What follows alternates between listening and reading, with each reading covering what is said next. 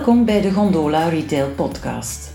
We zijn een nieuw tijdperk ingegaan waarin consumptie aanzienlijk zal verschillen van wat we vroeger kenden. Retailers, merken en media moeten zichzelf nu opnieuw uitvinden.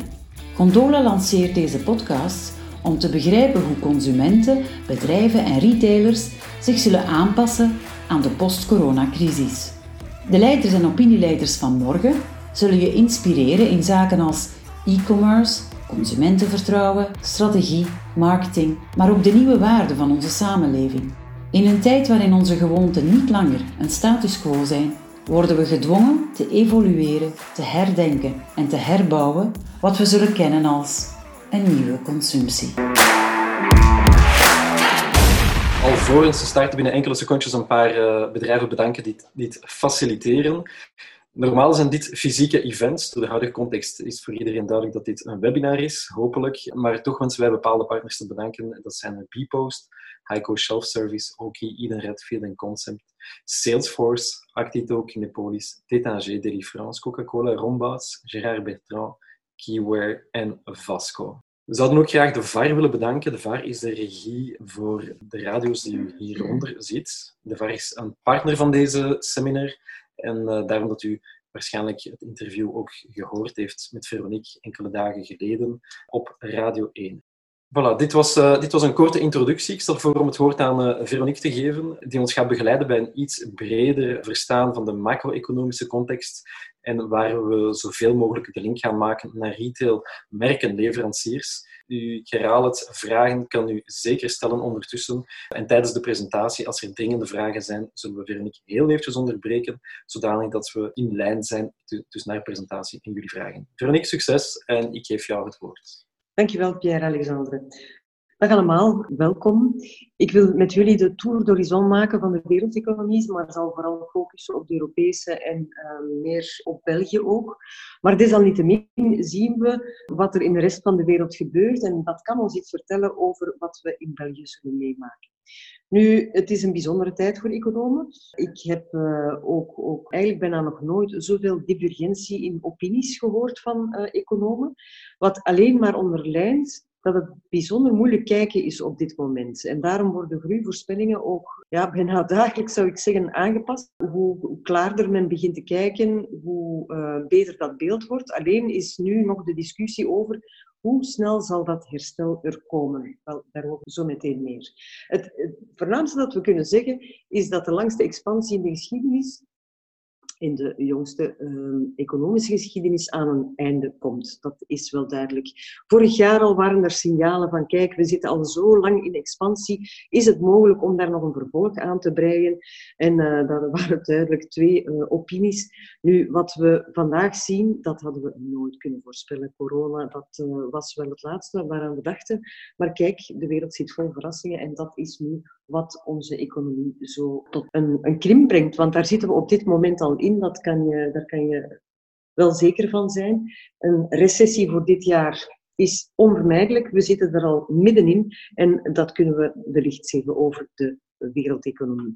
Nu, het is toch wel een heel bijzonder beeld, een heel specifiek beeld, namelijk dat dit een zeer tijdelijke krimp zal zijn. Het is een, een, een exogene schok, het is een schok die komt van buitenaf, dus niet intrinsiek zit ingebakken in onze economie, namelijk dat COVID-19-virus dat ervoor zorgt dat er draconische maatregelen worden genomen door de overheden en centrale bankiers wereldwijd. Maar die, maken, uh, die van de overheden maken dan dat uh, economie stilvalt, gewoonweg omdat fabrieken gesloten worden, omdat iedereen thuis moet blijven. En um, je dus uiteraard de economische gevolgen ervan ziet. Nu, wat kunnen we zeggen ten opzichte van wat we uh, voordien meemaakten? Als je dit zou vergelijken met 2008, 2009 of in Europa met 2011, 2012, herinner je de muntcrisis, daar hebben we toch ook serieus van afgezien, dan is eigenlijk de, de startpositie veel beter. De startpositie is beter. Waarom? Omdat je zit met bijna volledige tewerkstelling in, in grote delen van Europa, maar bijvoorbeeld ook in de Verenigde Staten. Je hebt uh, op dit ogenblik een totaal andere financieel, financiële situatie in financiële markten. Namelijk bij het begin van de financiële crisis was er nog veel aarzeling, bijvoorbeeld bij de Europese Centrale Bank om in te grijpen.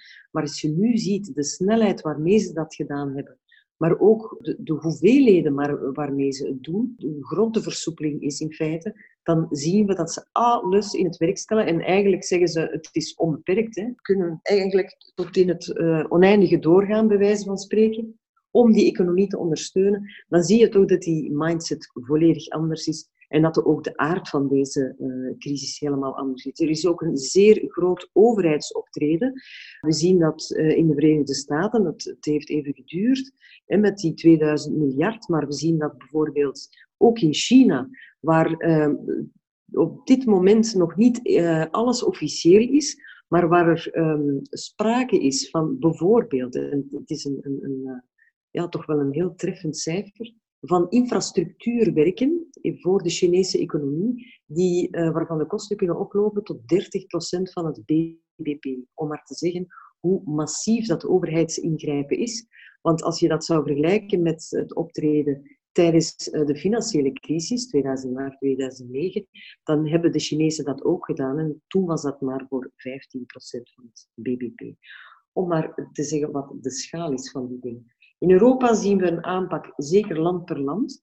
Ook ons eigen land uh, doet toch wel een, een, een serieuze duit in, in het zakje. En als je dat vergelijkt met andere Europese landen, kan je altijd misschien uh, aangeven dat het, dat het weinig is of minder. Maar dan moeten we ook meegeven dat ons sociale zekerheidssysteem zeer robuust is, dat we tot nu toe altijd een, een hoog overheidsbeslag gehad hebben en dat dat nu eigenlijk tijdens deze crisis een voordeel is. Straks daarover meer. Goed, ik heb hier een uh, grafiek in verband met uh, de, de besmettingen, de besmettingsgraad, de curve, de fameuze curve wereldwijd. Dan zie je dat ja, die landen in, uh, in Azië, China, Korea, Taiwan, Singapore, dat die natuurlijk al veel verder staan en dat wij eigenlijk nog naar de piek aan het toegaan zijn, of daar al ja, daar al zijn, dat is op dit moment nog niet 100% duidelijk, maar dat we dus wat dat betreft uh, achterstaan op, op uh, die evolutie. Nu, het is zo dat als we kijken naar industrie en we, we zien wat er het afgelopen jaar is gebeurd, dan zag je al dat die industrie overal wereldwijd onder druk stond. En dat de diensten tot nu toe redelijk goed stand hebben gehouden. Alhoewel die ook wel een, een, een, een ja, vermagering hebben gekend, zullen we maar zeggen. Maar toch, bleef uh, robuuste groei daar. Als we kijken naar uh, de industriële uh, achteruitgang, ja, dan zie je in, in wat er de afgelopen maand is gebeurd in China. Dus de piek in China heeft zich voorgedaan in februari, een dikke maand geleden dus dan zie je dat dus wat de, de output betreft er een, enorme achteruitgang is geweest. Dat zijn niet de harde data waar we hier over spreken. Dat gaat hier over het vertrouwen van fabrieksdirecteuren. En dan zie je dus in maart, wanneer die uh, productie terug herneemt, dat eigenlijk die indicator terug uh, bijna in dezelfde mate omhoog schiet. En dan zie je dat in de rest van de wereld ja, we dus nog serieus achterstaan op de hele situatie in China.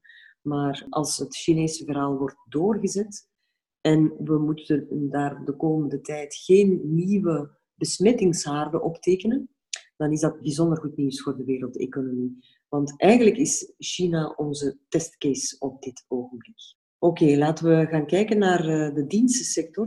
Dan zie je dat die bijzonder zwaar getroffen wordt. Dit is een indicator voor de hele eurozone.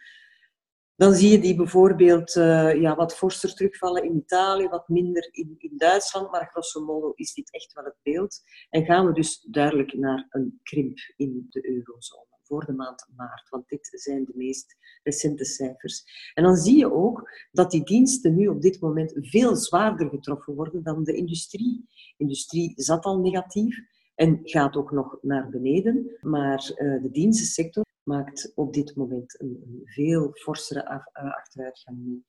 En dit zijn alweer de vertrouwensindicator, de PMI. Dat wil zeggen dat het een indicatie geeft van wat er gaat komen. Dit gaat nog niet over harde data. Die hebben we op dit ogenblik nog niet. Het zal u niet verbazen dat ook het consumentenvertrouwen fors naar beneden is gegaan. Ook in België is dat zo. Wat daar onder andere op te tekenen valt, is dat men dat er meer werkloosheid zal zijn, dat men aangeeft dat men meer zal sparen. Dat is natuurlijk helemaal niet goed. Dus ik hoop dat het, uh, het deel van de bevolking dat het zich kan permitteren in de komende maanden, indien we terug buiten mogen, volop aan, aan het consumeren slagen om die uh, economie te blijven ondersteunen. Want die consumptie is voor onze economie zeer, zeer belangrijk. En ook in andere ontwikkelde landen. Wat kan ik hier nog verder van zeggen? Dus die rode grafiek, dat is het consumentenvertrouwen. Dat is het laatste cijfer, dat is zeer recent. En dan hebben we de consumentenuitgaven. Die laatste grijze balk geeft al aan voor de maand december dat je ziet dat daar nog een, eh, een zekere achteruitgang is ten opzichte van eh, de maand voordien. Maar dus jongere cijfers hebben we op dit moment nog niet. Toch even onderstrepen, even onderstrepen want die, dus die uitgangspositie in Europa die was toch wel veel beter in de Verenigde Staten trouwens ook. Uh, in China trouwens ook, wegens een aantal fundamentele factoren. Eén daarvan was het, uh, het reële inkomen dat uh, zeker in Europa toch wel flink was erop vooruit gegaan in alvast het jongste jaar en, het jaar voordien.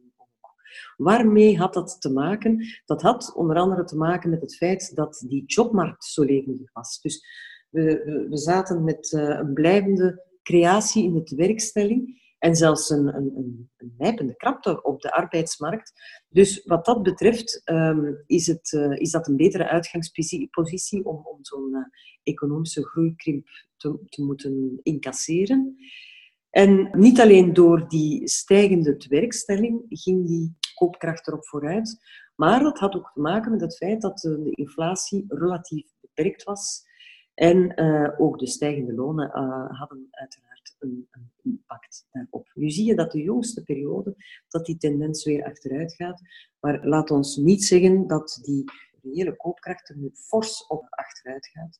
We moeten bovendien op dit ogenblik ook rekening houden met het feit, en ik ga eventjes een paar slides verder, met een, inflatie die in Europa op dit moment tendeert naar nul als je de energieprijzen en voedingsprijzen bijvoorbeeld bijrekent. Heeft natuurlijk te maken met die fors gestegen, uh, sorry, fors gedaalde olieprijs, heeft uh, met tal van factoren te maken. Maar uh, we verwachten niet dat uh, die olieprijs nu plots weer zou gaan verdubbelen. Maar dat kan natuurlijk wel zo zijn indien het fors herstel zich manifesteert, laten we ons zeggen, eerder in de tweede helft van het jaar. Misschien moeten we eerder wachten op het, het, laatste trimester om, om echt forse effecten te zien. Dan zou het natuurlijk wel eens kunnen dat die grondstoffenprijzen, olieprijzen enzovoort weer fors de hoogte ingaan. Oké, waar waren we gebleven? Dus we zaten aan die, aan die koopkracht, die eigenlijk nog op een redelijk hoog uh, pijl was in Europa bij de startpositie van COVID-19 en alle gevolgen van dien voor de economie.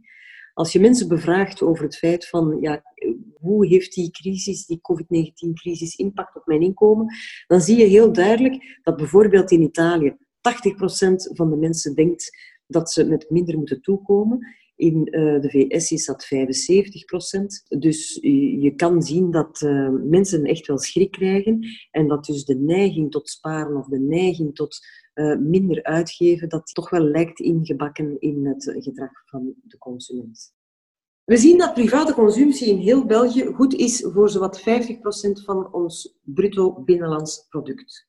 In andere landen in Europa ligt dat zelfs nog hoger. En als je kijkt naar de Verenigde Staten, is dat zelfs 70% of bijna 70% van het BBP. En dan bekijken we het bruto binnenlands product eigenlijk langs de vraagzijde. Daar, dat is een optelsom van de private consumptie, overheidsconsumptie, ehm, de investeringen van zowel overheden als bedrijven en dan eigenlijk het verschil tussen export en import. Dus dan kan je zien dat BBP toch wel ehm, voor een groot stuk geschraagd is geweest de afgelopen jaren door die consumptie. Dus het is heel belangrijk om die zo snel mogelijk weer op punt te krijgen. Als we kijken naar impact voor de Belgische economie, dan zie je dus langs de ene kant heb je een aanbodschok. Je hebt productieketens die zwaar geïmpacteerd zijn. Je zou kunnen zeggen zelfs gedisrupteerd. De eerste grote effecten um, in, in de toeleveringsketens, die, die worden nu echt voelbaar. Eh, een belangrijke handelspartner voor ons is bijvoorbeeld Italië. Uiteraard ook Duitsland. Maar ook China. Er zijn eh, onderdelen van China die helemaal tot bij ons komen, tot in de Antwerpse haven. En eh, een onderdeel vormen van, van industriële productie die wij hier hebben. Dus aan die kant voelen we dus dat productie niet meer gemaakt kan worden, omdat de aanvoer van onderdelen niet meer in orde is. Dus dat is aan de aanbodkant. Misschien even zullen doen is... Um...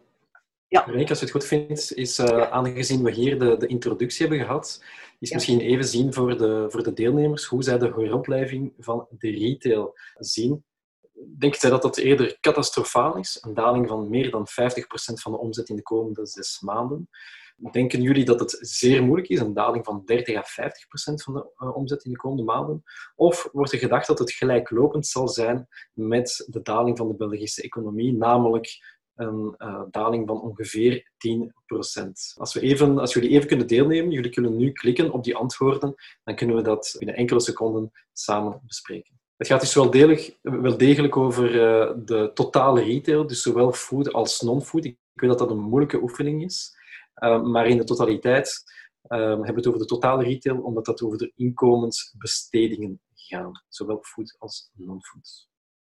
Voilà, Veronique, dus dit is wat de deelnemers uh, verwachten. Uh, verwacht uh, eh, 3% een catastrofische daling, dus van meer dan 50%. Het merendeel, overduidelijk, 56% verwacht een zeer moeilijke passage, namelijk 30 à 50 procent daling van de omzet. We kunnen die vraag, er, komt ook verschillende keren de vraag om die uitgesplitst te stellen. Uh, wij kunnen dat natuurlijk op het einde van uh, de, de, webinar uh, eventjes doen. En om af te ronden is er nog 41% die verwacht dat het gewoon moeilijk zal zijn, maar gelijklopend met de Belgische economie. Voilà, een kleine uitleg over de Paul van daarnet. Ja, ik begrijp die cijfers ook wel enerzijds. Het hangt er ook vanaf in welk deel van de retail je juist actief bent natuurlijk. Hè. Als je zit in de food, dan is er eh, wat dat betreft niet echt een probleem op te tekenen, integendeel. Maar alles wat non-food is, ja, als je in de fashion zit, dan heb je echt wel een, een, een heel lastig uh, jaar op dit ogenblik. Want iedereen heeft zijn voorjaarscollectie uh, daar liggen, is betaald. Die moet dan in mei, juni nog verkocht geraken. Je stelt je misschien de vraag als consument, als ik nu wacht tot de zomer, dan uh, zal, ik, zal ik er nog een korting uh, bij krijgen, omdat toch heel wat mensen aan 70% van hun inkomen leven op dit moment. Hè. Eh, het gaat om meer, dan een miljoen, meer dan een miljoen mensen. En bij sommigen is dat zelfs minder, hè, want dat, dat is, is geplafonneerd. Veronique, als je het goed vindt, zal ik even een paar vragen. We zitten ongeveer aan eh, 40% van de, de, de, presentatie. Misschien kunnen we even een korte paar vragen beantwoorden. Er zijn een paar belangrijke vragen, denk ik. Een eerste, we hadden het even over China. Verwacht u overheidsmaatregelen na de crisis, bijvoorbeeld China, waar tijdelijk een btw-verlaging bestaat op consumptiegoederen, verwacht u dat dat zal worden toegepast om de economie weer aan te trekken? Dat is een, een eerste vraag. BTW-verlagingen. Nee, dat verwacht ik niet meteen. Ik denk ook niet dat BTW-verlagingen, tenzij ze echt heel fors zijn. Hè? Als je natuurlijk uh, BTW-verlagingen hebt van 21 naar 6 procent, ja, dat heeft een impact natuurlijk. Maar zeggen van we gaan nu uh, dat, dat tarief van 21 procent een beetje verlagen, dat heeft, dat heeft eigenlijk geen impact. Net, net zoals het omgekeerde eigenlijk ook niet zoveel impact heeft. Ik zie dat eigenlijk niet meteen gebeuren. Je moet weten dat wat er nu al gebeurt, dat dit al een serieuze budgettaire inspanning is. Hè. We spreken hier niet meer over een, uh, een, overheidstekort van, van 3% En men mag daar nu boven gaan, dat weten we van de Europese Commissie. Maar dat, dat, dat zal... Allez, ik bedoel, als al die, stel dat al die waarborgen worden aangesproken die nu zijn uh, verleend om uh, de kredietverlening zeker op gang te houden, ja, dan, dan, gaan wij naar, naar sowieso 10% deficit. Krijg dat nog maar eens in orde. Hè? Oké. Een tweede vraag, misschien iets meer toegespitst op de mediasector. Is er een inschatting van de impact op de media-investeringen? Heb je daar toevallig een zicht over? Ja, zeker. Dus wat we nu zien, is dat uh, bedrijven hun kosten die ze kunnen meteen wegsnijden, dat ook meteen doen. En je moet weten dat marketingdirecteurs meestal geen deel uitmaken van een directiecomité. Dus een van de eerste kosten die um, worden afgeschaft, dat zijn marketingkosten. Coca-Cola worldwide heeft zijn marketinginspanningen op nul gezet. En, en dat geldt ook voor andere bedrijven die nu op dit moment gewoon zeggen: ik geef het geld niet meer uit. Het is zelfs zo dat het vrijdagavond, de vrijdagavondshow op VTM, uh, heb ik vernomen, dat heeft geen zin om dat programma uit te zenden. Je hebt nog nooit zoveel kijkers gehad, maar het programma brengt niks op. Dus uh, men zal het wellicht naar een later tijdstip Dus mediabedrijven gaan hierdoor zeer zwaar weer. Misschien kort enkele cijfers die, die heeft. In China zien we dat de, je op jaarlijkse basis er een daling van 10% wordt verwacht van de media-investering. In België wordt verwacht dat het eerder tussen 15 à 20% is op jaarbasis. Dus van januari 2020 tot december 2020. Dat zijn schattingen uh, gemaakt met uh, enkele mediabureaus. Ik stel voor dat we de rest van de vragen uh, straks beantwoorden. Dan kunnen we jou verder het woord laten bij deze. Oké, we gaan verder. Dus we zien eigenlijk dat die diensteconomie in ons land dat die toch wel heel belangrijk is. Die maakt zowat 70% van ons bbp uit. Dat is dan een, een, een andere benadering van hoe wij bruto binnenlands uh, product bekijken. U mag nog eentje verder gaan. Voilà. Daar heb je dan een uitsplitsing van wat die diensteconomie allemaal uh, vertegenwoordigt in België. Je zou kunnen zeggen dat we het afgelopen jaar nog een aardige groei hebben gehad. Herinner u, 1,4 procent. Dat was echt wel mooi. Door het feit dat die diensteconomie zo belangrijk is in België. En dat dus die industriële sector eigenlijk maar 15% uitmaakt van uh, onze economie. En uh, constructie is dan, de, de, de, bouw is daar dan nog 5% bij. Dus in die zin is dat ja, nu de sector die het zwaarste wordt getroffen en waar je dus uh, toch wel serieuze impact gaat zien in onze economische groei. Voor onze groeiverwachtingen van dit jaar gaan wij uit van een groeivertraging van 5%. Um, ehm, dat is een fameuze krimp. Wij verwachten het eerste kwartaal al een aardige en die zal nog zwaarder worden in het tweede kwartaal. En dan gradueel verwachten we dat er een herstel komt in de maanden mei, juni en dat gradueel dan eigenlijk dat herstel veel forser wordt in de tweede jaarhelft. Ja, de grootste bedreiging in ons land is, is dus de aantasting van het consumentenvertrouwen. En ja, met, dat heeft met heel veel zaken te maken. Hè. Hoe langer het duurt om deze crisis te bestrijden, hoe zwaarder dat zal aangetast worden en hoe langer het ook zal duren eer dat terug in orde komt. Dus het is heel belangrijk geweest, het is zo vaak benadrukt geweest om die quarantaine, die lockdown-maatregelen na te leven. Waarom? Om ervoor te zorgen dat je zo snel mogelijk je economie terug opgestart krijgt. En dus met andere woorden, ook dat uh, consumentenvertrouwen niet te hard in de verdrukking duwt. Dan gingen we nog heel even een, een klein stapje naar uh, China maken om aan te geven hoe invasief, en, en dat was echt schrikwekkend. En het, het, is ongeveer op dat moment ook dat die financiële markten in, in, echt in paniekmodus zijn geslagen. Als je kijkt naar de Chinese industriële productie, welke klap die gekregen heeft, ook de retail sales, dat is dus internet aankopen, begrepen. Hè? dan, dan zie je hoe zwaar de schok was in, in China. En als je dan vergelijkt hoe zwaar, dus dat is de volgende grafiek, voilà, dat is dus die, die, die schok die we gezien hebben in de maand uh, februari. Ondertussen zijn we de maand maart en is dat weer eenzelfde beweging naar beneden. Als je kijkt op lange termijn en je bekijkt daar de crisis van 2008, dan zie je hoe zwaar die schok was. Hè? Meteen werden ook de vergelijking gemaakt met 2008, maar laten we dat nu niet doen, want eigenlijk zijn die twee crisissen toch heel moeilijk met elkaar te vergelijken. Oké, we zien heel wat steunmaatregelen in um, België en Europa. Eigenlijk, wat mij interesseert, u, u zal die, ik heb ze hier allemaal opgelijst, maar eigenlijk kent u ze wellicht zelf allemaal. Hè? Eigenlijk, wat mij meer interesseert, is, is hoe u als sector die een maatregel ervaart waar tevreden bent, opgetogen, dan wel daar waar u teleurgesteld bent en, en zelfs uh, vindt dat de, de overheid naast de, naast de zaak zit. Is dat een vraag die we ergens in een of andere vorm kunnen stellen? Ja, ik, ik stel voor dat we daar, uh, we kunnen daar op het einde eventueel nog een poll rond doen. Er zijn heel veel vragen, dus ik stel voor dat we jou, jouw betoog laten uh, afronden en dat we dan ja. echt een intensieve Q&A houden. Oké. Um, Belgisch overheidstekort mag oplopen, dat is zeer goed nieuws. De vraag is natuurlijk hoe we achteraf de factuur betalen, maar laat ons daar op dit moment geen zorgen over maken. Dit is echt nodig. Dit moet gebeuren. Waarom?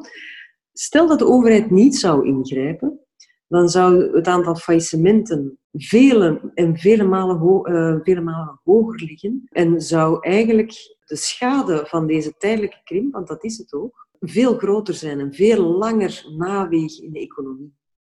Vandaar dat massale overheidsingrepen zo goed is, maar ook dat van de centrale bankiers.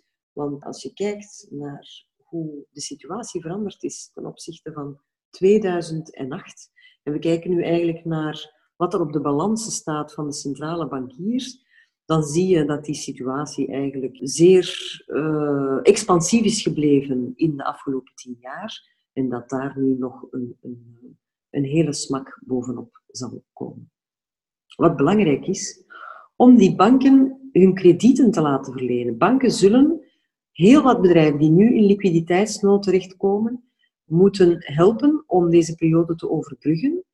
En als je nu een kredietschaarste krijgt, omdat er te weinig liquiditeit in de financiële markten zit, ja, dan pas krijgen we terug de situatie zoals in 2008, namelijk een kredietschaarste. En dat is natuurlijk nefast voor, voor je economie en voor je economische groei van de toekomst. Dus dat is eigenlijk de reden waarom die centrale bankiers zo massaal hebben ingegrepen met de wetenschap Never again 2008. Dit willen we nooit meemaken. We hebben hieruit geleerd. We gaan meteen ingrijpen en de banken zullen klaarstaan om uh, bedrijven van liquiditeit te voorzien. En dat is exact wat er op dit moment aan het gebeuren is. Oké, ik kan nog iets zeggen over de Verenigde Staten, maar misschien gaat ons dat te ver leiden. Ik ben eigenlijk wel heel erg geïnteresseerd in jullie vragen. Oké, schitterend. Bedankt voor deze, deze introductie. Ik denk dat het een paar vragen heeft uh, naar boven komen. Een eerste vraag is algemeen van, van Evi Binon. Ik weet niet of we Evi even aan het woord kunnen laten. Um, ik zal de vragen even, even zelf stellen. Uh, uh, de geschiedenis heeft aangetoond dat België meestal sterker staat in recessiemomenten ten opzichte van andere landen. We hebben vaak een groei die iets anders is, maar in recessiemomenten staan we er meestal sterker voor. Kunnen we dit ook verwachten in de huidige crisis? En wat is de reden waarom we meestal sterker staan in recessiemomenten? Uh, is dat uh, gerelateerd aan het feit dat onze consumptie maar 50% van het bruto nationaal product is? En uh, hoe legt u dat uit en wat kunnen we eruit verwachten voor de toekomst? Ja, nee, wat Evi zegt is, is correct. Het is zo inderdaad dat wij de crisis van 2008, 2009 veel beter hebben kunnen weerstaan dan onze omringende landen, wat ons op dat moment echt wel een voordeel heeft opgeleverd. Dat heeft nu net te maken met dat gigantisch hoge overheidsbeslag. Wij hebben een zeer robuuste sociale zekerheid. Wij hebben uh, ook automatische stabilisatoren die, uh, die perfect werken. Dat zijn eigenlijk ja, uitgaven die automatisch beginnen te lopen of inkomsten voor de overheid die automatisch beginnen te verminderen op het ogenblik dat er een uh, economische crisis zich voordoet. Dus ja, we hebben, ons daar al, uh, we hebben daar al vaak klachten over gehad, over dat overheidsbeslag. Wel, vandaag uh, werkt dat in ons voordeel. Oké, dat is zeer duidelijk. Gaat dat in de huidige crisis ook in ons voordeel spelen? Of uh, zullen andere factoren meespelen, denk je, Frank? Wel, dat is een heel interessante vraag. Want het is natuurlijk zo dat onze staatsschuld zeer hoog is. We hopen dan dat financiële markten of financiële marktpartijen ons land niet opnieuw in het vizier nemen. Omdat natuurlijk die overheidsschuld nu weer fors boven de 100% zal stijgen. En wat zouden financiële markten kunnen vrezen? Dat wij niet in staat zullen zijn om onze toekomstige verplichtingen in te lossen. Anderzijds heb je nu net dat centrale bankbeleid dat dat wil voorkomen. Want wat heeft de centrale bank in Europa beslist? dat zij haar opkooppakket van uh, staatsobligaties, maar ook uh, overheids, uh, sorry, staatsobligaties, maar ook bedrijfsobligaties, fors gaat opdrijven. Dus we spreken hier over meer dan 1000 miljard euro. Dat is een enorm bedrag. Dus je ziet op dagen, zoals ja, enkele dagen geleden, weet ik dat bijvoorbeeld Bel Belgische staatsobligaties plots 30, alleen de rente op, op Belgische staatsobligaties plots 30 basispunten lager spurten. Ja, je weet op dat moment dat die centrale bank enorm aan het inkopen is om uh, die rente laag te houden. En dan, dan, dan voel je dus dat die, dat die centrale bankier als massa-aankoper, want dat, is, dat, dat zijn waanzinnige hoeveelheden die daar op de balans staan van de Europese Centrale Bank, dat die dus wel in staat is om, mochten er alarmsignalen komen, wat betreft België, dat we, we, op een of andere manier toch wel een veel accommodatiever systeem hebben dan dat we gezien hebben in de financiële crisis en in de, eurocrisis die, die hier voorheen, of nadien was. Uh, sorry. Anderzijds, ja, het is een complexe vraag, want het is natuurlijk niet zo dat, dat, dat er hier geen gevaar is. Hè. Een, een nieuwe eurocrisis is in deze niet uitgesloten. Waarom niet? Eigenlijk is er nog altijd geen echte solidariteit tussen de verschillende lidstaten van de eurozone. En met name als Italië nu echt fors in de problemen komt met zijn bankensector, met zijn uh, overheidsschuld, ja, dan, uh, dan, dan komen we wel in, in, een andere constellatie terecht. En uh, dan, dan zou het wel eens kunnen dat België daarin, daarin meegenomen wordt. Maar laat ons nog niet al te pessimistisch zijn op dit ogenblik. Ik wil gewoon de, de hele range aan, aan mogelijkheden wel aangeven. De, de, de kans is niet opgestaan. Oké, duidelijk. Een paar meer uh, praktische vragen. De dienstensector krijgt dus een enorme klap. De horeca uh, krijgt ook een enorme klap. Zijn er inschattingen gemaakt vandaag hoeveel faillissementen er zullen volgen? en wat de impact daarvan zal zijn? Dat is een hele goede vraag. Weet u, wij hebben een assessment gemaakt van, van de Belgische KMO's. KMO's, de kleinere. We hebben een staal genomen tot 43 uh, eh, miljoen omzet, minstens twee werknemers. En daar hebben wij gezien dat in goede tijden, toen er dus nog geen sprake was van COVID-19, meer dan, eigenlijk tegen de 17% van de bedrijven zowel problematisch zijn op het vlak van liquiditeit en uh, solvabiliteit. Dat wil eigenlijk zeggen te weinig cashflow. En ten tweede, te weinig eigen middelen ten opzichte van het vreemd vermogen. Dus dat zijn eigenlijk al, al fragiele bedrijven. Dat is veel, hè? 16, 17 procent, dat is best wel veel. En ik vermoed dat daar heel veel kleine detailhandelaars in zitten. Dat daar uh, bijvoorbeeld uh, garages kunnen daarin zitten maar ook groothandel en dan zeker in de fashion. En bedrijven, retailers, die zich niet hebben voorbereid op online handel, omnichannel, uh, andere kanalen, ja, die, die gaan echt wel heel lastige tijden tegemoet. Er zijn natuurlijk mogelijkheden. Hè? Ik bedoel, wil je nu nog omnichannel gaan, ja, dan dat gaat verschrikkelijk veel investeringen kosten. Wat schat je dat die 17, dus in, net voor de crisis stond dat al op 16, eh, 17 procent. Uh, naar welk percentage faillissementen zouden kunnen toegaan of kunnen groeien in de huidige crisis? Kan dat verdubbelen, verdrievoudigen, verviervoudigen? Heb je daar een, een grove estimatie? Cijfers zijn er niet, maar een estimatie? ik denk dat dat... Van die 16 procent? Nee, nee, nee, nee. Nee, dat wil zeggen dat... Dus, nee, ik bedoel, de, de, de KMO's tot 43 miljoen euro omzet die problematisch waren, dat is 16 procent. Dus laat ons zeggen dat deze hoeveelheid eh, eh, over de kop zou gaan. Dat is al veel, hè? Ja. Vind je niet, Pierre-Alexandre? En jij wilt dat nog verdubbelen? Nee, ik denk dat we niet zo pessimistisch moeten zijn. Allee, het is nu de bedoeling om uh, bedrijven te helpen met overbruggingen. Ze moeten hun kredieten niet meer aflossen renteaflossingen niet meer doen, uh, zelfstandigen die um, problemen hebben, met hun hypothecaire kredieten, moeten die niet meer afbetalen. Allee, er zijn zoveel maatregelen genomen om, om dat soort van die tijdelijke crisis toch te kunnen uh, overleven, dat ik niet verwacht dat het zo'n zwart scenario wordt. Oké, perfect. Dat was even om de link te maken met, uh, met de poll van daarnet eigenlijk. Dat ik die vraag stelde van hoe verwachten wij de heropleving van de retail? Misschien even zien langs, uh, langs uw kant. ik denk dat we een vraag hebben van Vadim van Oudenhoven. Hebben jullie een zicht hoe groot de stijging is in online aankopen in de non-foods? Interessante vraag. Ehm, ik heb die cijfers niet, maar wat ik wel weet, is dat je dus zag dat je tijdens de eerste periode van de eh, lockdown absoluut geen vooruitgang zag. Ik wil zeggen, er was zelfs een lichte afname, op zijn minst een stabilisatie.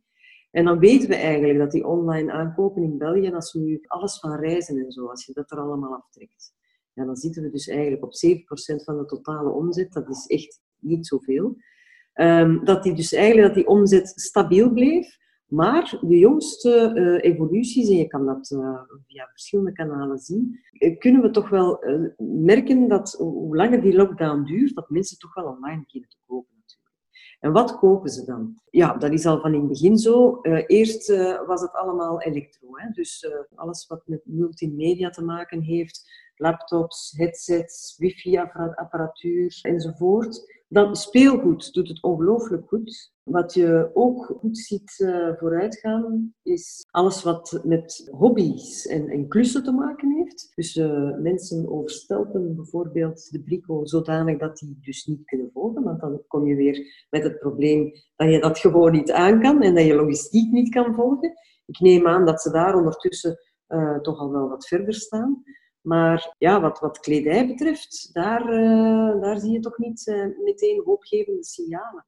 En eigenlijk wordt door retail-experts op dit moment, maar jij bent daar ook bij, Pierre-Alexander, ik zou het eigenlijk aan u moeten vragen, dat dus uh, wat fashion betreft, dat er ook zelfs bij online buitenlandse, dus buitenlandse aankopen online, genre Zalando enzovoort, dat daar eigenlijk ook niet al te veel van verwacht wordt Pierre-Alexander, wat, wat, wat denk jij er zelf van? Um, dat de project waar we nu op werken is om de koopkracht onmiddellijk te linken aan de economische uh, ondersteuning. Met andere woorden, het heeft weinig zin om retailers te ondersteunen als de consument vandaag toch 10 miljoen aankopen doet in het buitenland.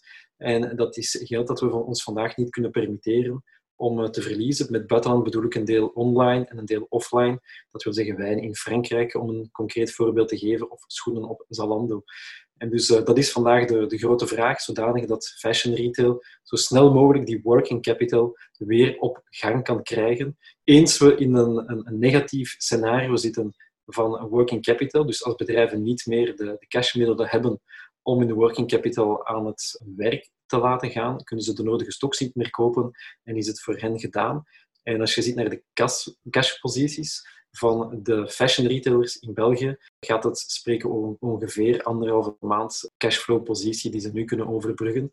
Wat veel en niet veel is, uh, omdat het geen vrije cash is, maar dat is een kaspositie, dat is die negatief working capital. Dus de retail werkt natuurlijk met uh, openstaande schulden naar de leveranciers. Dus één dat dat systeem in het gedrang komt, dan kan het heel snel gaan en dan kan het wel dat die 16% maal 2 gaat uh, volgens ons, omdat je dan het, het, financiële systeem van de retail aantast. En een tweede punt is dat uh, bedrijven als een, een E5-mode, maar er zijn er nog tal van andere, voor de crisis al in moeilijke papieren zaten. Dus dat is wel een, een, een factor waar rekening moet mee worden gehouden volgens ons. Dat klopt natuurlijk. Maar voor dit soort evoluties wordt al tien jaar gewaarschuwd. Dus eigenlijk weten we al tien jaar dat al die evoluties, dat, dat die internationale grote platforms meer en meer aan macht gaan winnen. Dus was het zaak om, om ons er hierop voor te bereiden. En er zijn natuurlijk een aantal die dat zeer, zeer goed gedaan hebben. Maar ik, ik denk dat, dat er anderen zijn geweest die uh, ja, ervan uitgingen dat het allemaal niet zo vaart zou lopen. En natuurlijk, op dit moment, op, in, in zo'n crisis, kom je dan uh, inderdaad voor, voor het... Uh, moment van de waarheid te staan. Oké.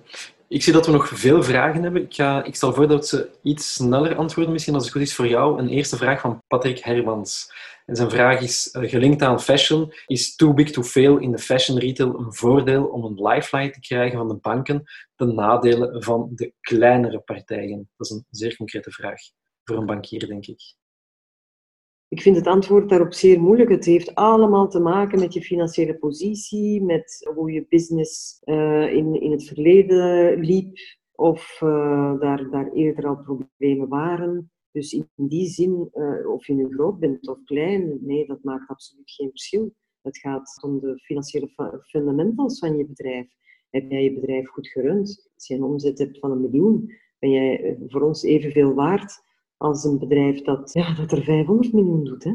Oké, dus schaal is niet bepaald een, een, de belangrijkste parameter vandaag? Voor de banken? Ja. Uiteraard niet. Oké, ik denk dat dat een, duidelijk antwoord is op die too big to fail. Misschien een volgende vraag van de Wim Bouwens. Dat is iemand die meer uit de food retail komt. Ik begrijp dat overheden en banken nu massaal moeten ingrijpen om economische schade te beperken, maar op welke manier zullen we dit achteraf dan terug in evenwicht kunnen krijgen? Wie gaat dit allemaal betalen? Wat is het juiste cut-off point om de lockdown af te bouwen en de economie volop te laten spelen? Ik, om de, de laatste vraag eerst antwoorden. China is onze testcase. Hè, een interessante testcase om te zien, goed, je ziet dat de economische activiteit er meer dan een maand na de piek van COVID-19 nog steeds niet 100% opgestart is.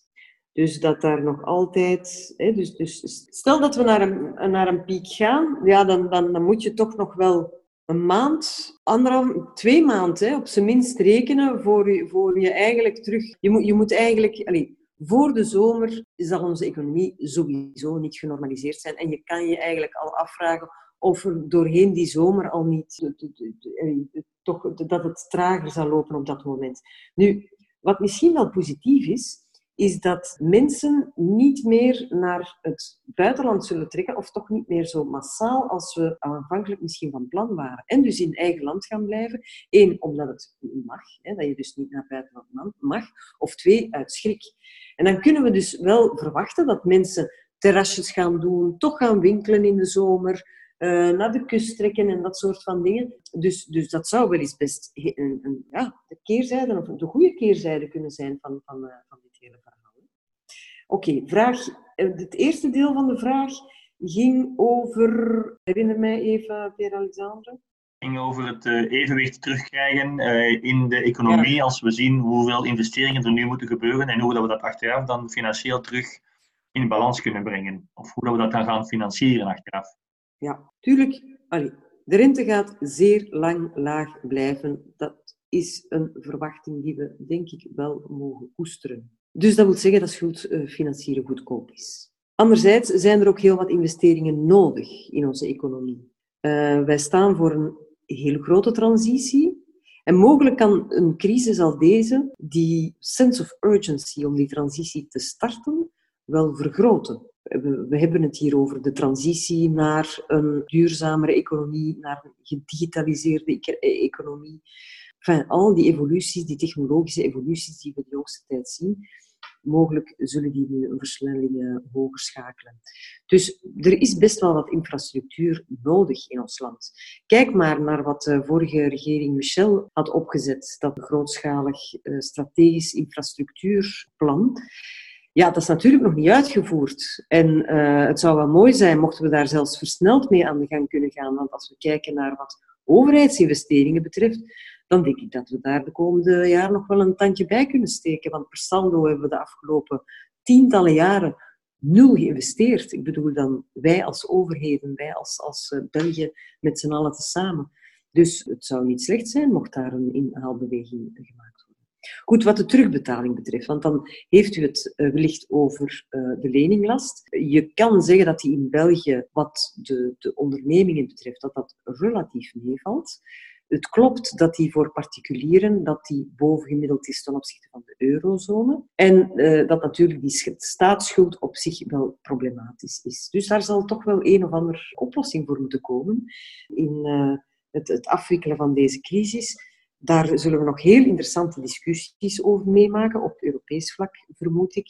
En ja, het, is nog even koffie kijken uh, in welke richting dat zal evolueren. Is dat een antwoord op de vraag? Dank u. Er komt een, om daarop verder te gaan, ik een, uh, bijkomende vraag van Peter Hostens. Peter, eh, als uw micro aanstaat, kan u zeker interageren. Als B2B betalingen van klanten vertragen en bedrijven dus op hun beurt ook leveranciers trager gaan betalen, dan gaan we naar een algemeen tekort aan werkkapitaal.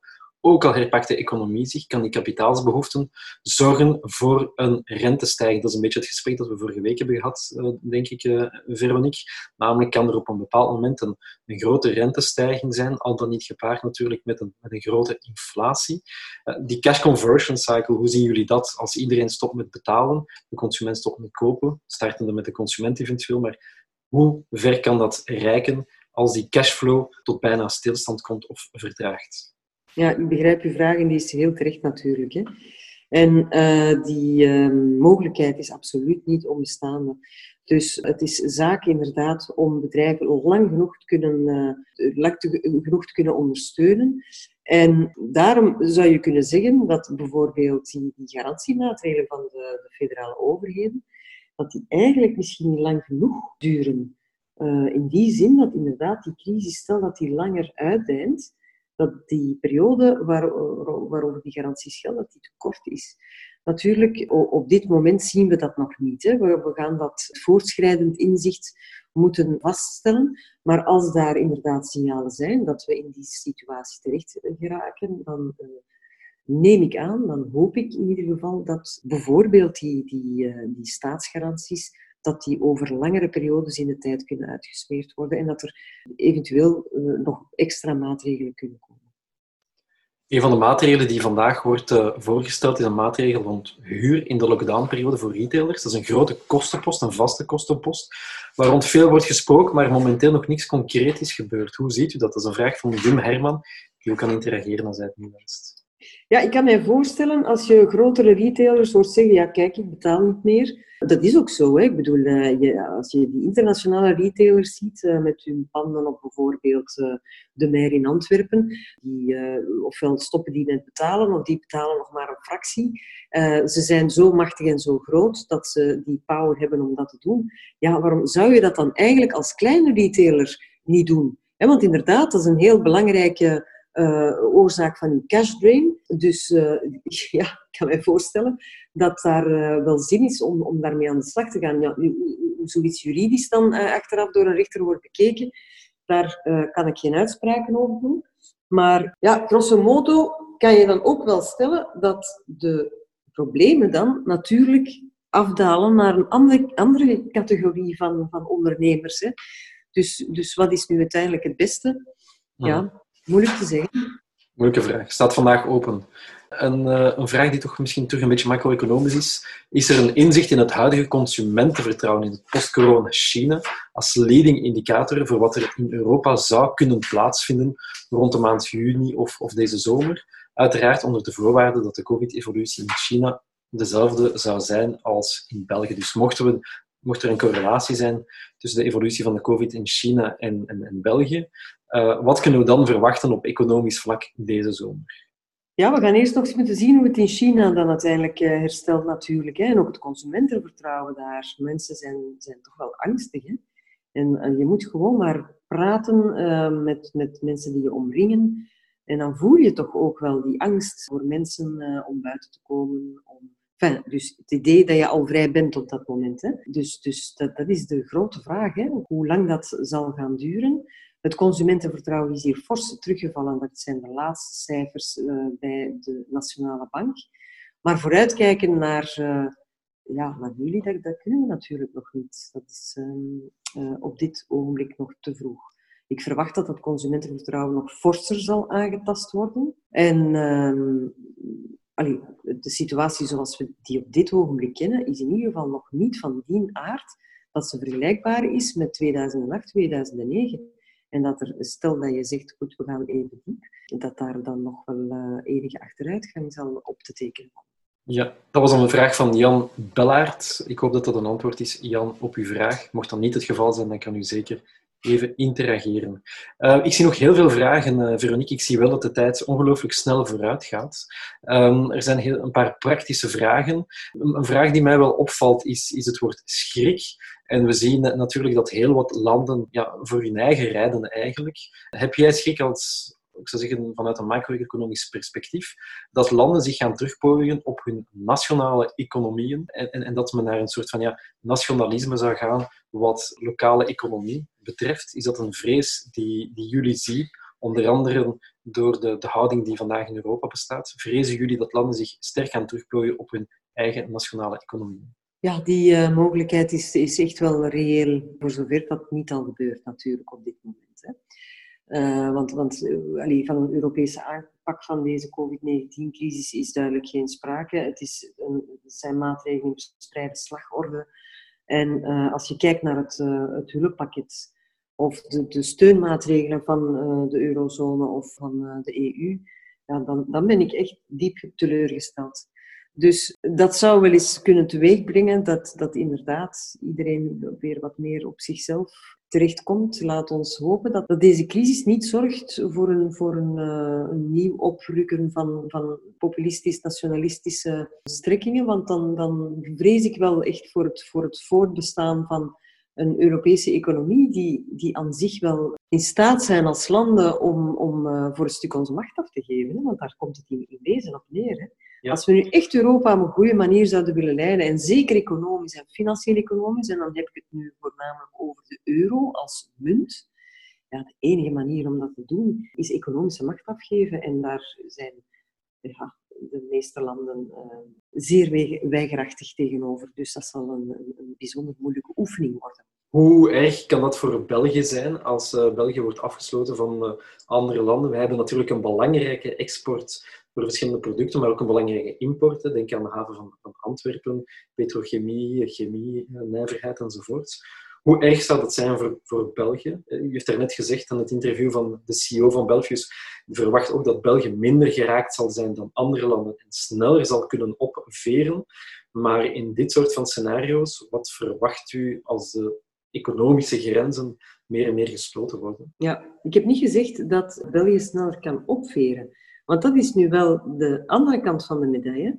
We weerstaan crisis beter, maar eens de crisis voorbij is, zullen we trager groeien dan al de rest. Dat, is, dat heeft dan ook weer met dat hoog overheidsbeslag te maken. En dan heeft dat ook weer te maken met het feit dat er tal van structurele problemen zijn in België die we niet krijgen opgelost. Oké, in verband met grenzen die gesloten worden. Ja, zo zwart bekijk ik nu wel echt niet. uh, Allee, je gaat toch nog altijd... Het is niet dat je, dat je industrie plots uh, helemaal stilvalt. Hè. Dat, zijn, dat zijn evoluties die heel traag gaan. Hè. En, en uh, uiteraard was die, die, die keten, die wereldwijde productieketen, tijdens de financiële... Sorry, tijdens de afgelopen twee jaar handelsoorlog, was die al onder druk gezet omdat dat, ja, je, ziet dat die, die, die ketens zich beginnen te veranderen, maar dat zijn, dat zijn heel trage evoluties en dat gaat nu wellicht nog een, een, een versnelling krijgen. omdat je stelt vast, je bent fabrikant en bon, er zit daar een chip in van, van Samsung en die chip kan niet meer geleverd worden. Dan moet jij naar alternatieven op zoek. En je vindt dan in Europa toch nog een producent die iets vergelijkbaars heeft. Ja, waarom zou je dan nog naar China gaan? Dus je, je, je ziet dat door dat, die, die disruptie die we nu zien in de supply chain, dat je inderdaad eh, de creativiteit ziet bij die industriële spelers, bijvoorbeeld om uh, elders hun, uh, ja, hun onderdelen te kunnen gaan, gaan kopen. Maar het sluiten van die grenzen, dat, dat lijkt me toch wel echt... Nee, het gaat over economische grenzen. Er is een, een ja. waarschuwing geweest van het WHO, Wereldgezondheidszorg ook, ja. dat er mogelijk een probleem, en dan heb ik even over de voeding, dat er mogelijk een probleem is op de voedingsketen met lokale belangrijke economische en sociale gevolgen. Die hebben dat eergisteren uitgestuurd. En dat zet wel tot nadenken, dat soort van communicaties. Uh, naar, naar, de impact op de hele keten eigenlijk. Uh, dat is ook een vraag van Peter Hostens, die zegt, zijn er al cijfers bekend over de evolutie van Belgische export de recentste weken? Hebben wij, of heb, jij daar een zicht over, hoe dat de laatste weken evolueert? Nee, dat kan ik niet, uh, niet zeggen. Nee. Ik vermoed dat daar, ja, dat is, je hebt dus een, een, een aanvoer die stokt, dus je hebt ook fabrieken die stilliggen omdat ze de sociale afstand niet kunnen garanderen. Er is een vraaguitval. Dus dat uh, is, is, is wat ze aan de ene kant meemaken. En je hebt natuurlijk ook de import. Hè, de import die, uh, die, die, stilvalt. Op dit ogenblik moeilijk te becijferen. Moeilijk, uh, moeilijk aan te geven. Maar dat er een forse achteruitgang is, dat, dat, dat lijkt me wel evident. Luchtverkeer valt stil. Valt niet helemaal stil, maar valt toch wel voor, voor een groot stuk stil, omdat vliegtuigen gewoon niet meer vliegen zonder passagiers. En vaak is het een combinatie van, van goederen die gevlogen worden en passagiers, maar passagiers worden niet meer gevlogen. Dus die goederen gaan nu over de weg, komen langs allerlei wegblokkades en zo, dus er loopt allemaal vertraging op. Er zit ook vertraging op omdat de logistiek, het vrachtvervoer dat niet meteen aan kan. Die zijn daar niet op, op voorzien om die op veelheden. Dus dat ging over de, de export. Misschien een, ehm, een vraag die eraan gelinkt is. En ik denk, voor, ja, je werkt een beetje voor een staatsbank, hè, we mogen eigenlijk zeggen. Wat is jouw, dat is een heel moeilijke vraag, maar ik zie dat er toch een paar keer naar wordt uh, gealludeerd. Wat vind je van de huidige politieke context? We kunnen misschien de link maken naar de crisis van 2008. Uh, werd er al lachend gezegd, de reden waarom wij er goed zijn doorgeraakt is omdat we geen regering hadden, tussen haakjes. Wat, wat vind je van de huidige politieke context? Je bent ook uh, lang uh, journalist geweest uh, voor Kanaal Z. Wat vind je algemeen van, van de huidige ik zou zeggen, economische politieke context? Hoe pakken wij dat aan in België? Wel, je kan daar uh, veel dingen over zeggen, maar één ding is duidelijk, dat er nu toch een regering is. Het is misschien niet de regering van ieders smaak, maar het is wel een regering die kan dingen installeren en dat heeft ze ook gedaan in die zin ja, vond ik het optreden toch relatief kordaat, ook in de bestrijding van, uh, van COVID-19. Uh, zijn we toch uh, redelijk snel geweest in onze reactie. Dus, dus in die zin ja, heb, ik, heb ik daar eigenlijk um, verder geen kritiek, kritiek op te geven. Je kan altijd zeggen dat het meer moet natuurlijk. Hè? Het ja, kan altijd meer. Okay. Je bent maar niet... we zitten ook binnen, binnen begrotingsconstraints. Allee, budgetair hebben wij toch wel een aantal handicaps ten opzichte van de ons omringende landen. Ons, onze grote overheidsschuld maakt dat we niet al te excessief moeten zijn. Ik vind dat er, dat er uh, toch wel een, een, serieuze, een serieus kussen onder, dat economie, oh, onder die economie wordt gestoken op dit moment. Kan je daar naar het verleden kijken? Zijn er lessen die wij kunnen trekken uit gelijkaardige situaties? Dat is een vraag van Jonas Bertels. Mm -hmm. zijn er in het verleden vergelijkbare situaties gekend qua economische impact en, en, wat kunnen wij daaruit leren? Het is zoals ik al zei, het is eigenlijk een heel uh, bijzondere economische situatie op dit moment. Eigenlijk een die we niet uh, kennen of tot nog toe niet gezien hebben. Namelijk, enfin, je hebt natuurlijk wel de Spaanse griep gehad in uh, de, de Wereldoorlogperiode, maar de situatie was dan natuurlijk helemaal anders. Nu worden we plots verrast met een wereldwijd virus, dat zeer dodelijk is. En uh, wat meteen impact heeft op de economie, omdat je met een lockdown te maken hebt.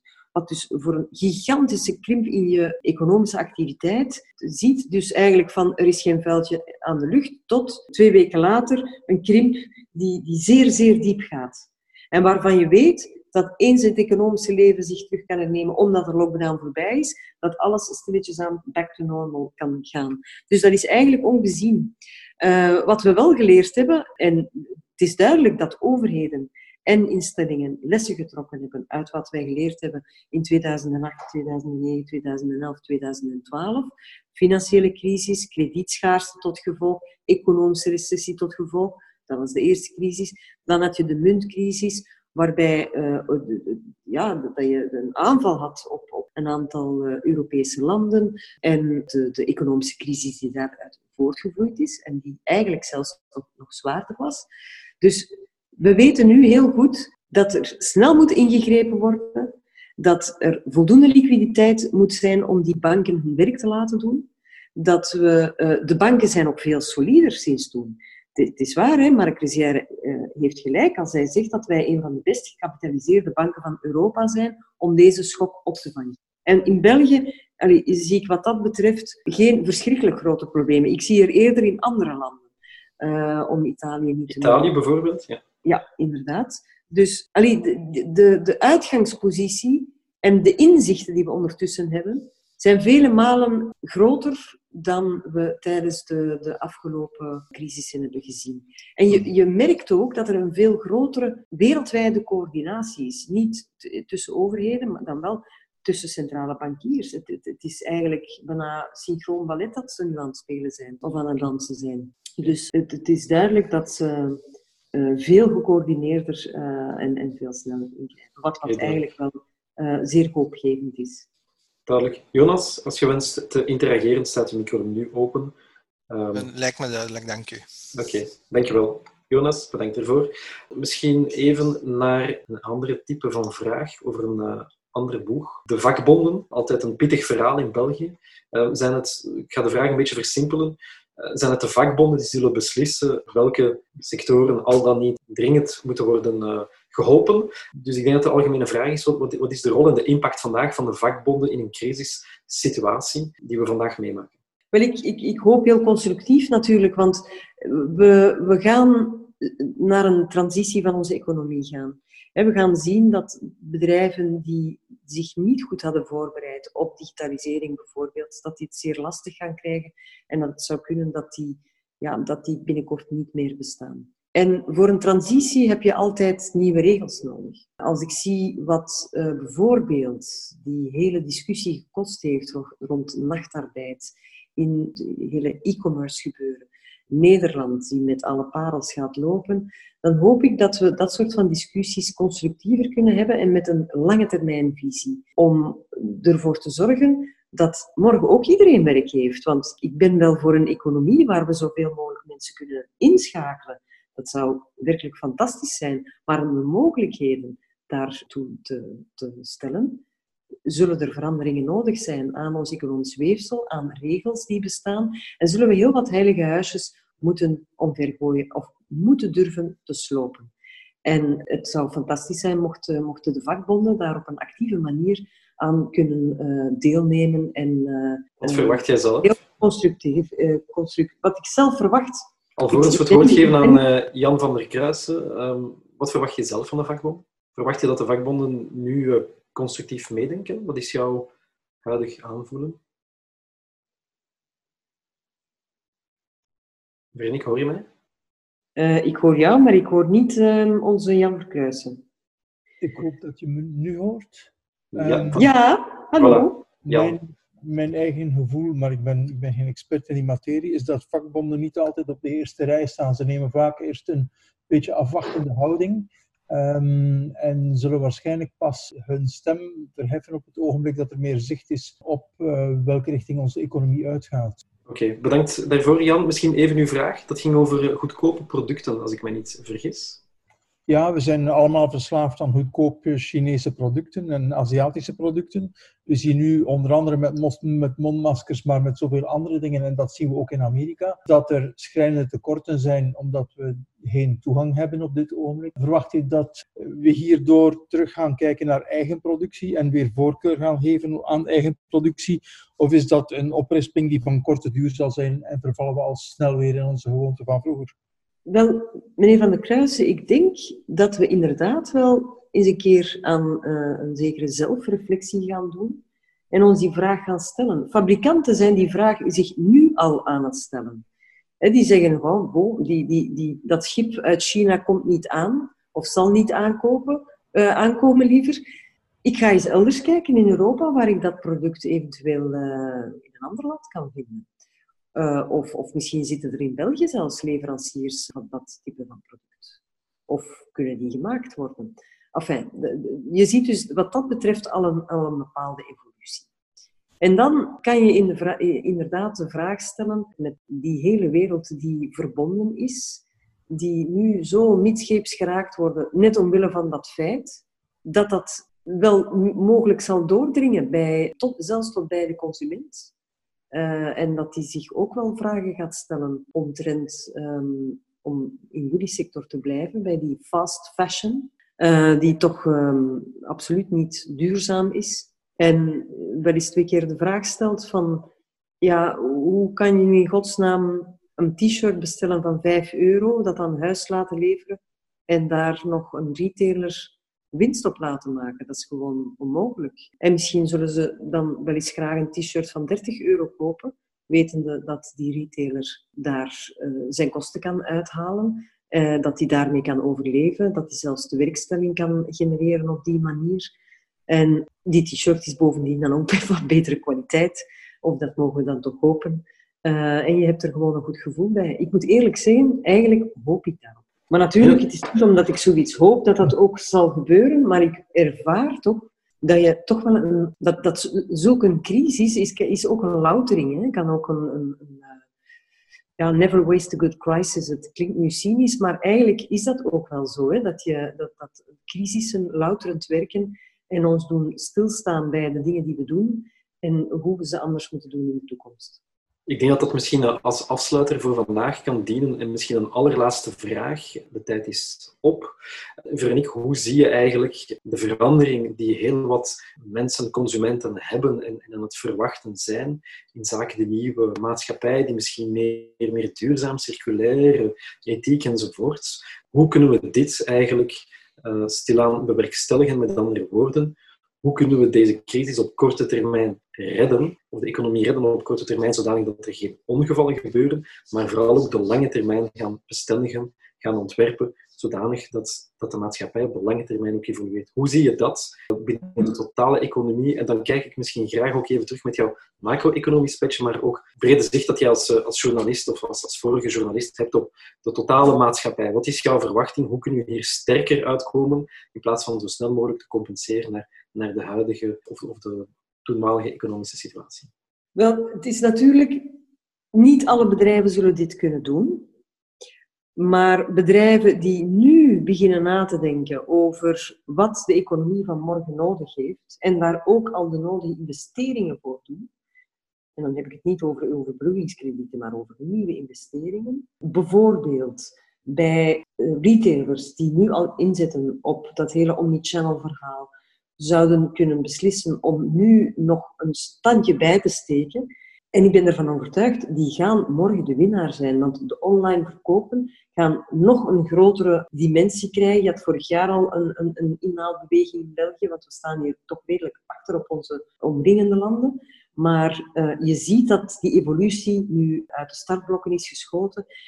En uh, bedrijven die daar verder op durven inzetten en daarin durven vernieuwen, die gaan morgen winnen. Dat, daar ben ik echt van overtuigd. Ook een, een, uh, een, een durven investeren vandaag. Want al die reclamebudgetten worden vandaag op nul gezet.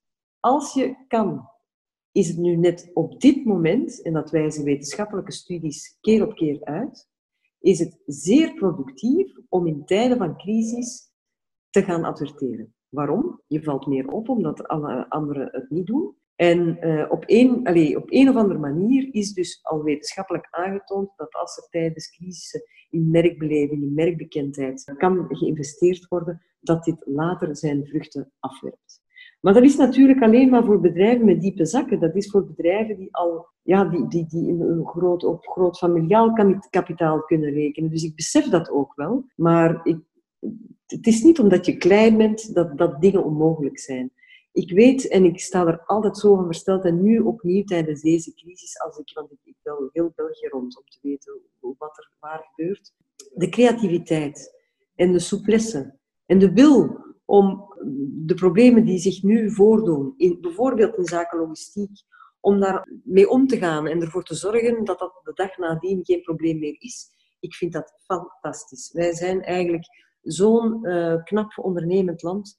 Dus ik ga ervan uit dat wij met z'n allen samen wel voldoende um, ondernemerschap aan boord kunnen leggen om, uh, om daarmee aan de slag te gaan. En ik hoop dat consumenten, want ik vind dat allemaal heel uh, moedige oproepen, zo van, van, van onder andere Wouter Torfs, om, om te zeggen, koop Belgisch.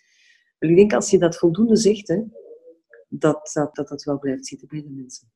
Dat is duidelijk. Ik denk dat dat een uh, mooie afsluiter is voor uh, deze webinar, waar we toch, ook al is het zeer moeilijk, een macro-economisch beeld wouden scheppen en linken aan onze huidige problematieken. Het is nog zeer vroeg. We gaan daar zeker op terugkomen in de komende weken. Hartelijk bedankt aan uh, iedereen die heeft deelgenomen. We hebben niet op alle vragen kunnen beantwoorden, maar u kan zeker, ons zeker contacteren via social media. U kan ons zeker contacteren via onze website. Mocht u nog absoluut vragen wensen te stellen, doe dat zeker. We zijn er om jullie te helpen vandaar de seminars. We zien elkaar volgende week terug met Fons van Dijk. Dan zal het meer vanuit het merkenstrategie zijn en de aanpak die merken, zowel retailers als leveranciers, kunnen hebben in de huidige situatie naar de toekomst toe. Ik wens jullie een prettige namiddag en tot zeer snel.